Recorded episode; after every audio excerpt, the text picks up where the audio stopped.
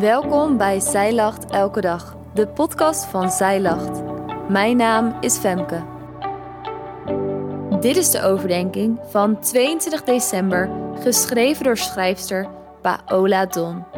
Voor Advent lezen we vandaag Genesis 28, vers 1 tot 22.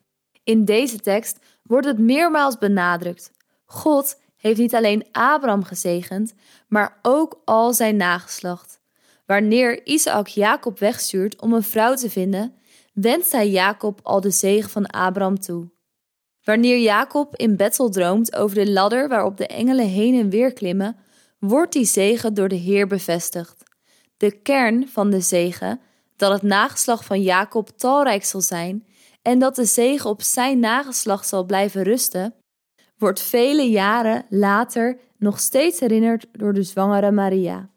Zij is nageslacht van Jacob en zij deelt dus in de zegen. Wat bijzonder dat zij zich dat zo realiseert in deze tijd van vreugde. Bid jij het gebed mee? Heer, help mij om in vreugdevolle momenten stil te staan bij U, de God die vreugde geeft.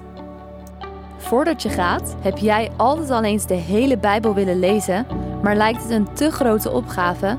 Wij helpen je graag door het in 2024 samen te doen. Doe jij mee?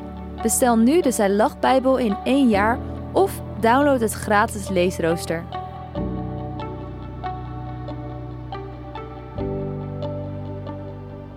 Dankjewel dat jij hebt geluisterd naar de overdenking van vandaag.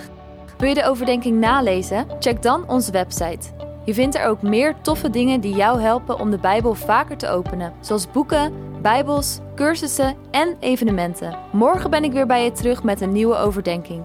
Tot dan!